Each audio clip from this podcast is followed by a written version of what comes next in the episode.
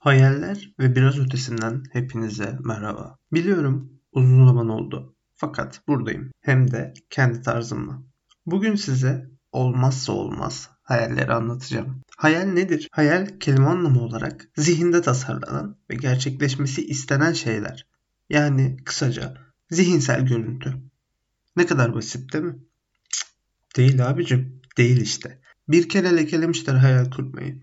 Hayalperest olma diye. Aksini söylüyoruz. Hayalperest ol. Eğer hayal olmasaydı nasıl olurdu Da Vinci? Nasıl duyururdu kendini Mimar Sinan?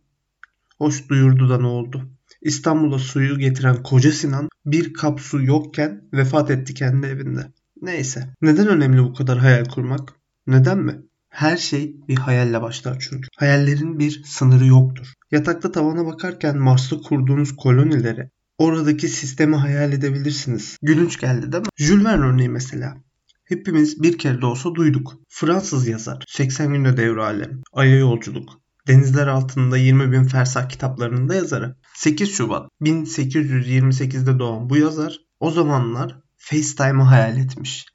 FaceTime kitaplarında görüntü ve sesin aynı anda birbirine gittiğini anlatıyor o zamanlarda. Diğer bir deli ya da diğer bir dahi Leonardo da Vinci 15 Nisan 1452'de doğan Da Vinci'nin en büyük hayali tüm canlıların yaşam hakkı olduğuna inanmasıydı.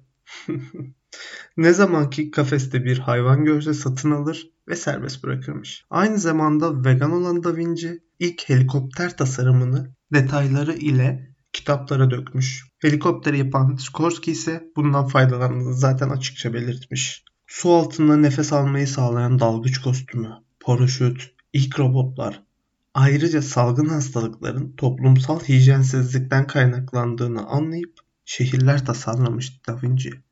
Şehirler tasarlamış. Hayal gücünü hala sevmedik mi? Peki. Şöyle deneyelim.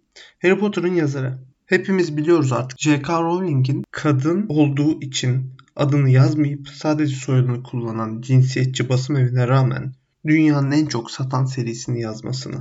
Asıl ilginç olan ne biliyor musunuz? J.K. Rowling şu an kraliçeden daha da büyük bir servete sahip. Peki heveslendik. Özellikle de para konusunu duyunca. Diyorsunuz ki nasıl hayal gücümüzü geliştiririz? Olmuyor abi. Sabah 8 akşam 5.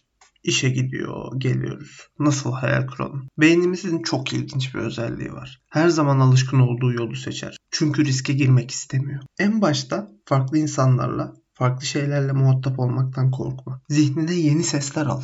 Çekinme. Sıkılmaktan geri durmayın abiler. Merdivende yürürken bile Instagram açık elimizde. Lavaboda Twitter'dayız.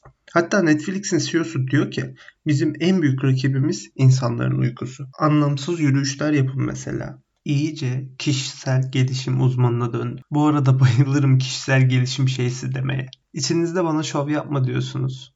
Biliyorum ve görüyorum. Ama dostlar, kardeşler ve hatta Romalılar. Bir arkadaş grubunun kafeye gidip hepsinin telefona gömülmesi beni üzüyor. Yakınlarımızı şarj edilebilir tabutlara gömdük ve bunun farkında değiliz. Hepsinin de ruhuna like atıyoruz. Pahalı hediyeler yerine mektuplar yazın sevdiğinize. Dün okulda neler oldu, işte neler yaşadınız onu anlatın biraz. Ya da akşamki maçı tartışın arkadaşlarınızla. Ama hayal gücünüze güvenerek yapın bunu. Birbirinizle konuşarak. Çok sevdiğim bir yazar demiş ki hayal hava sever. Havalı değil mi bu söz? O zaman son birkaç havalı sözle podcast'imizi bugünlük kapatıyoruz. Önce resmimi hayal ederim, sonra hayalimi resmederim demiş Van Gogh. Her şey iki kez yaratılır. Önce zihninde, sonra da gerçekte. Ve son olarak Albert Einstein diyor ki, hayal gücü bilgiden önemlidir.